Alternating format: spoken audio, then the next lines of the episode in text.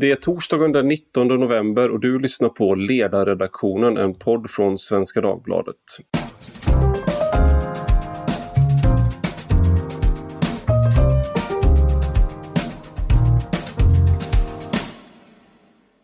Jag heter Ivar Arpi och idag ska vi prata om hot mot poliser. Under dagen har Ekot rapporterat om att många poliser utsätts för hot och påverkansförsök och de blir förföljda i samband med ingripanden mot kriminella nätverk särskilt. Eh, och det här är någonting som man tar på största allvar och eh, det här, just nu så pågår ett 80-tal utredningar enligt eh, vad Ekot erfar mot, eh, eh, som har att göra med poliser som blir utsatta för hot.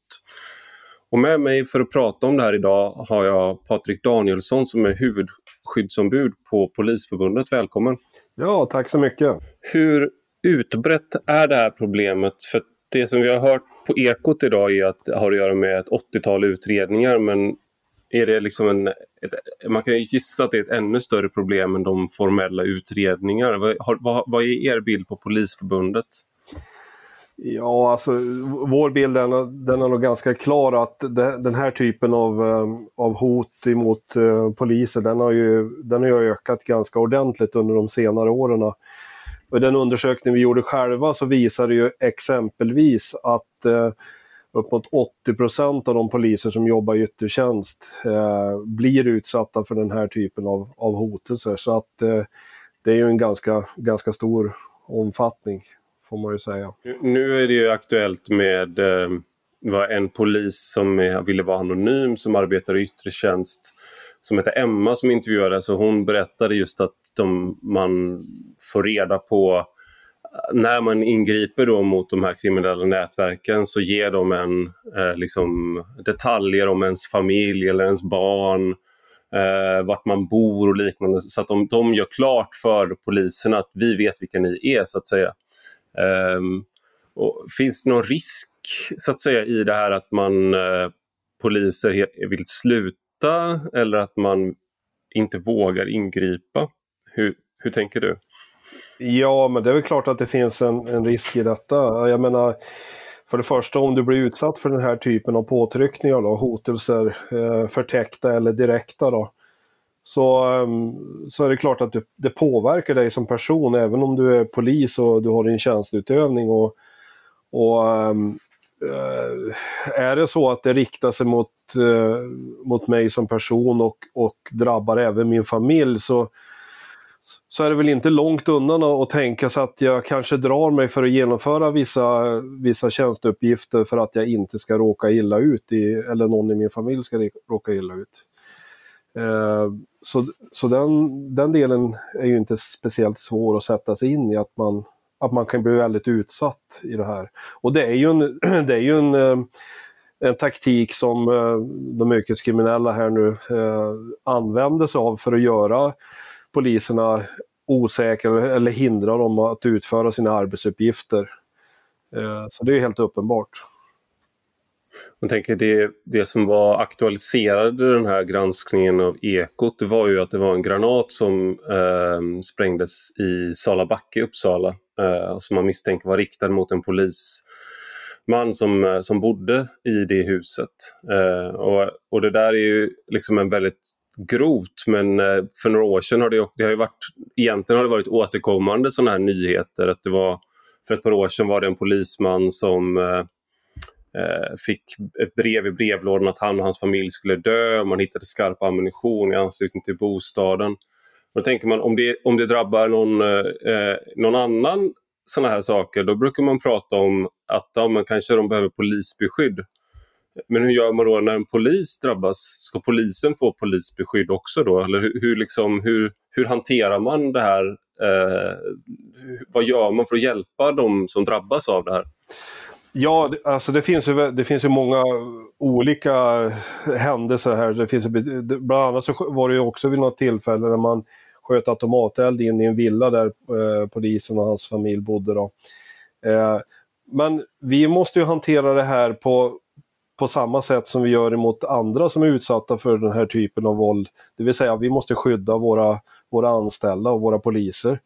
Så att det, det påbörjas ju ett, ett eh, skyddsarbete för, för den som är utsatt när det väl händer. Och eh, det sker ju ganska omgående där man gör bedömningar av vilken typ av hot som man har fått emot sig, vad det finns för relevans i det här och, och, och sen sätter in eh, de åtgärder som man, som man anser att man behöver göra initialt. Och det kan ju vara allt ifrån det lilla till det jättestora när man kanske till och med tvingas att flytta från den orten och sitt eget boende. Då.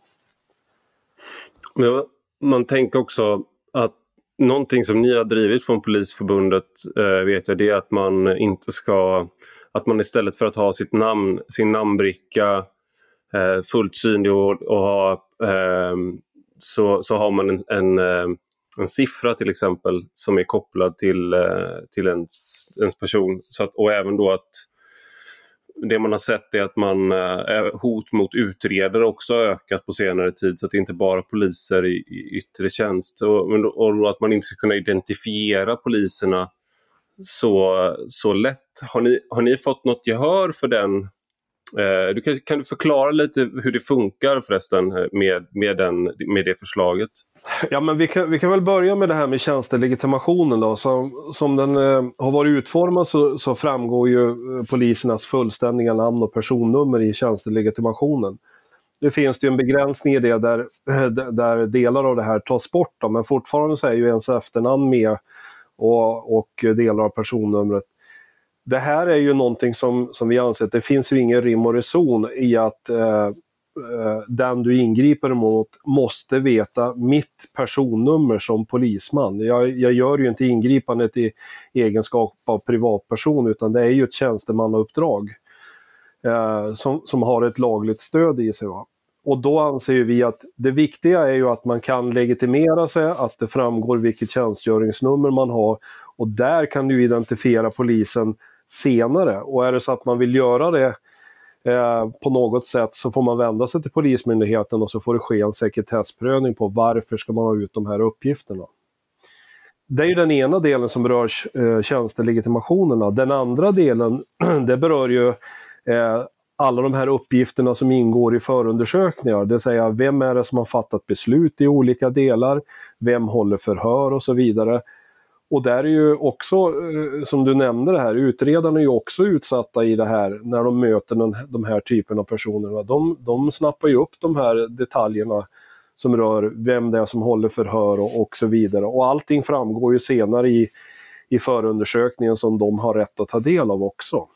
Eh, och det handlar ju inte om att skydda någon, så att, eh, någon, någon, polis för att, eh, så att man inte ska kunna identifiera en, utan det handlar om att skydda personen bakom eh, bakom polisuppdraget i det här fallet. Då. Har ni sett några, eh, alltså, för det här har jag hört, eh, eller jag har läst er driva det här ett, ett, ett hyfsat tag nu ändå. Så var, varför är det, vad är er bild om varför det inte är på plats? Vad är, liksom, vad är kritiken eh, mot det här förslaget? Är det att det ska vara transparent och att man ska ha rätt man har rätt som medborgare att veta vem det är som utövar makt över en så att säga. Är det, är det det som är kritiken mot det här förslaget och där, är det anledningen till att det äh, dröjer? Ja, det är ju en del i det här. Det är ju en del av trögheten att få igenom det här, det vill säga offentlighetsprincipen, att man ska kunna se vem det är som agerar emot en. Och, och den, eh, den har vi största respekt för, det, det handlar inte om det. Men det går att identifiera en på ett annat sätt än direkt via ens Eh, personnummer. Eh, sen har vi ju någonting som, som eh, kallas för särskilda tjänstekort. Och där, de har vi tillgång till redan idag, men Polismyndigheten är ju en av de myndigheter som är absolut mest restriktiva med, med att dela ut de här till, till sina anställda. Det här skulle man ju kunna göra tämligen omgående eh, och, och, få effekt i det här. då. Eh, Vad är ett tjänstekort då? Alltså det... Ja, det, är, det, är, det är alltså en tjänstelegitimation där inte ens namn och personnummer framgår. Det vill säga där, där har du bara ett identifieringsnummer. Mm. Uh, och den möjligheten har man ju redan nu, och, och, men man tillämpar den alldeles, alldeles för restriktivt. Och det här är vi ju starkt kritiska mot, särskilt som vi ser hur, hur utvecklingen ser ut just nu. så borde det finnas all anledning och all möjlighet att lätta på det här och tilldela poliserna de här tjänstekorten. Är, nu är inte de här och kan försvara sig som man brukar säga i public service men det är ju, är ju väldigt svårt att förstå att det inte har tillämpas i större utsträckning just med tanke på hotbilden som är mot. Och sen har man ju, om man rör sig bort från liksom specifika hot, det finns ju liksom, vi har ju sett Eh, att det är väldigt hotfulla situationer som uppstår mot, eh, eh, mot poliser, även där det kanske är, som är väldigt hotfulla. Eh, eh, som inte är att man söker upp Eh, alltså det finns ju nivåer på det här. Å ena sidan kan det vara i, i en eh, situation där man gör ett ingripande och det uppstår en hotfull situation där, där personen man ingriper mot, den personens kompisar eller gänget eh, ansluter sig och försöker att frita personen eller liknande eller är väldigt hotfulla mot polisen. Och det, den typen av situationer finns ju också i, i, i det här som är liksom en... Det, utifrån så ser det ju ut som att poliser, särskilt i utsatta områden och särskilt när det gäller eh, grovt kriminella individer, att man är ganska... Att man inte har, så att säga, eh, de verktyg som behövs kanske. Eller så har man det, men de tillämpas inte i tillräckligt stor utsträckning. Hur, hur är liksom situationen, om man pratar lite bredare, för... Hur är säkerhetssituationen för poliser idag egentligen, tycker du? Ja, men jag, du nämner ju, du nämner ju en, en sak som är ju ganska, ganska tydlig, hur man, hur man nyttjar situationer och omedelbart samlas runt de poliser som man ingriper. Och är det då en patrull med till exempel två poliser så, så är det ju lätt så att, säga, att man hamnar i ett numerärt underläge i förhållande till de man ingriper emot. Eh, och, och ja, hur, hur så att säga, råder man bot på detta då? Ja, en sak är naturligtvis att vi måste bli fler poliser så att vi i de här situationerna kan ha kan ha en backup när vi, när vi ingriper så att man, man kan skydda varandra och, utföra sin tjänsteåtgärd. Mm. Eh, en annan sak som, som också har visat sig eh, ha en, en, en, bra effekt det är ju att, eh, att vi har möjlighet att bära kroppskameror vid ingripanden. Eh, och eh, det, det anser ju jag vara en, ett, en väg att gå i det här därför att det är ju ganska, eh, ganska uppenbart att det avhåller ju delar av de här i alla fall för att uttala de värsta hotelserna och göra de värsta så att säga eh, våldshandlingarna när man också vet att man, man blir filmad under, under det som händer. Det här ser Just vi. Ord kommer inte stå mot ord då, utan då nej, har man faktiskt... Nej. Utan då mm. är, då är det ju faktiskt eh, eh, upptaget så att säga på film, det som händer. Va? Och det är ju också ett bra bevisvärde, som du säger också, när, när det handlar om att dokumentera de brott som sker. Då. Eh, så det är ju en väg att gå, det hoppas vi ju på och, ehm, eh, och det, det, ser ju positivt ut i den bemärkelsen att eh, fler och fler av poliserna kommer ju att kunna tilldelas kroppskameror Eh, sen handlar det väl naturligtvis om ekonomi och få de här på plats också då. Men det, det, är ju en sak som är, som är bra i det här. Mm. Sen har vi en annan del i det här och det är ju att många av poliserna upplever ju att eh, samhället i stort vänder de ryggen i den här typen av situationer. Och, och, och, när jag säger samhället i stort, då menar jag ju faktiskt de rättsvårdande instanserna och de dömande som domstolarna.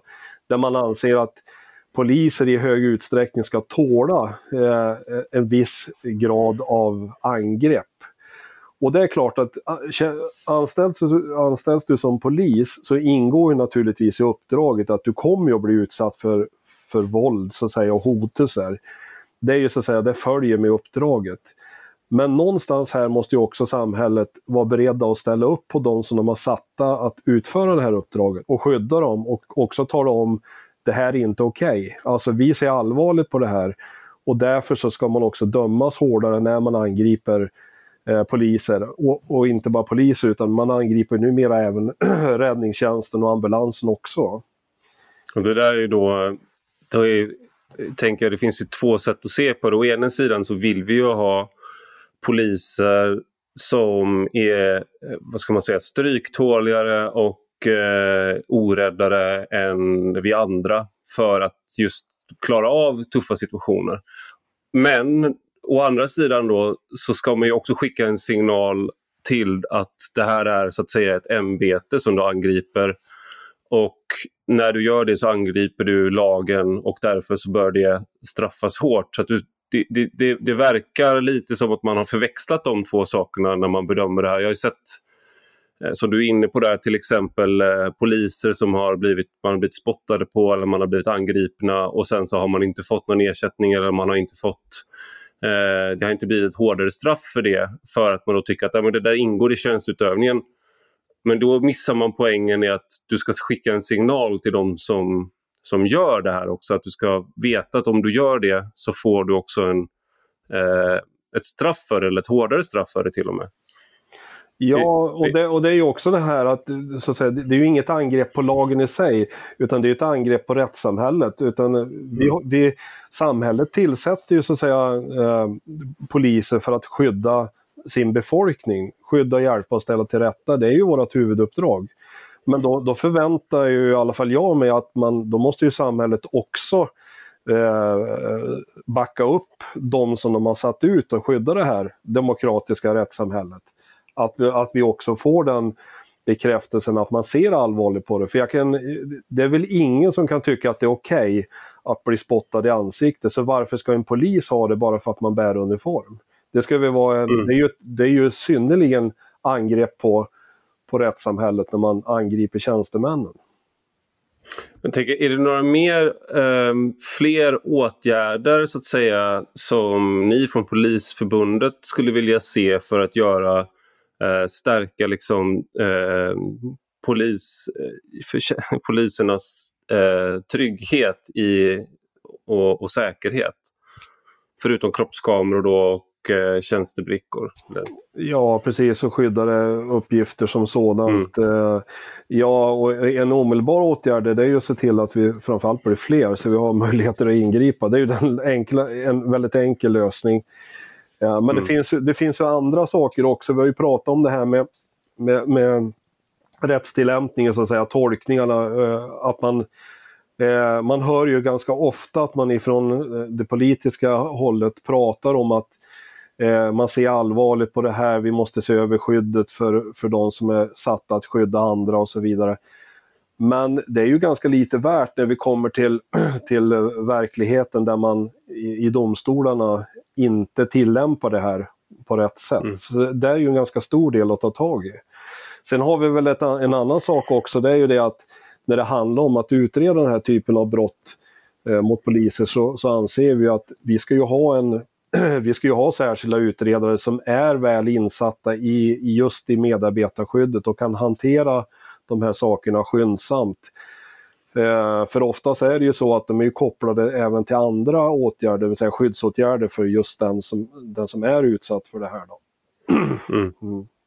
Jag tänker med det här med, dom, det här med domstolar som inte döm, alltså, Man får ju intrycket av att eh, ibland att det är som de olika delarna av i rättskedjan så att säga drar åt olika håll. Att, eh, att eh, polisen har, har, ser det på ett sätt, eh, väldigt förenklat nu, eh, och domstolarna ser det är väldigt, eh, man har en väldigt mycket mildare syn på vissa saker än vad, än vad kanske också, som du säger då, politiker, man har en avsikt med någonting men det är ju domstolarna som som dömer sen och, och att man då, det, det är svårt att eh, det är svårt för att, att säga, politikernas syn på hur det borde vara och polisernas syn på hur det borde vara möter domstolens syn på hur det borde mm. vara. Ja, det är klart att jag menar politikerna de har ju en begränsning i vad de kan gå in och så att säga lägga sig i för mycket för då hamnar vi i ministerstyre helt plötsligt och det, det är vi ju inte så, så betjänta av att ha heller. Va? Mm. Eh, men, men, visst, men visst finns det väl så att säga, det finns väl fog för att och, och, och verkligen titta på just tillämpningen och även lagstiftningen som sådan om den verkligen täcker den upp alla delar med, med att skydda eh, poliser i den, i, i den här typen av situationer. Um, för eh, vi, vi, som sagt, vi ser ju att det gör ju inte det. Och framförallt inte tillämpning just det här med att vi ska tåla mer än andra. Ja, det ska vi, men det ska samtidigt inte vara okej okay att angripa någon eh, polis på det sättet. Eller hota för den delen heller. Just det. Det, det, är någonting, det är någonting som är eh, väldigt stötande. Det vet jag inte om det är... Jag tror många upplever det med mig också. Men det är när man ser de här filmerna där poliser blir utsatta för eh, väldigt, väldigt kränkande behandling och de är i underläge och när man känner att eh, liksom i vilket annat land hade man vågat göra så här? Alltså i vilket annat land är man så, har man så lite respekt för polisen och hur kunde vi hamna där? Att, att det blir så att man, och att man kommer kanske till och med undan med det i många fall. Eh, och då blir man ju, alltså det är sådär, å, å ena sidan är det så absolut förstås är det ju kränkande för de poliserna och, och kanske skrämma, och skrämmande för poliserna i den situationen. Men det är också kränkande som medborgare att se det här ske och, och skapar ju en osäkerhet, tänker jag, när man då eh, får se den här typen av, av filmer. Jag tänker liksom hur, hur... Man vill ju inte ha ett samhälle som är så att säga där alla, där alla är livrädda för polisen. Det är ju inte det som är målet här, utan målet är ju att du ska ha man vill ju ha det som är bra med svensk polis, det vill säga att man är en eh, välutbildad, välutbildade poliser som inte eh, går till överdrifter och att man, att man är rättssäker och allt det där. Men å andra sidan så är det ju någonting här som, är, som saknas. Ja. Eh, Nej, men det är väl lite så här, alltså attityden har ju förändrats under de, under de senare åren. Det, det, är ju helt klart. Jag började min karriär 89, så att säga, och det har, hänt, det har hänt ganska mycket just när det gäller attitydförändringarna i samhället. Inte bara mot poliser utan mot, mot många andra yrkesgrupper också. Jag titt, tänker som till exempel på skolan. Det är ju också mm. en, en yrkeskår som är otroligt utsatta också. Eh, och om man jämför med sin egen uppväxttid så var det inte många gånger man, man sa emot en lärare eh, och, och, på det sättet som man gör idag. Då blev man ju mer eller mindre utlyft. Och jag mm. tycker också du nämner, du, du är inne på en sak här också som jag känner är väldigt viktigt. Vi ska vara stolta över den poliskår vi har och den tradition vi har, för den är den är väl respekterad också ute i, i, i vida världen. Vi har ju ett, ett ett sunt tänkande när det gäller människosyn så att säga och, och att ta till, att säkerställa de demokratiska rättigheterna, yttrandefrihet och så vidare. Jag har ju jobbat också utomlands och, och kan ju jämföra med, med de kulturer som finns där om man tittar på polissidan också. Och jag tror inte det är någon som, som vill ha in den delen av att poliserna så att säga ska vara fruktade på det sättet att man blir misshandlad eller på annat sätt Nej. eh, nej, angripen. Va? Det, det, är inte den kulturen vi ska ha.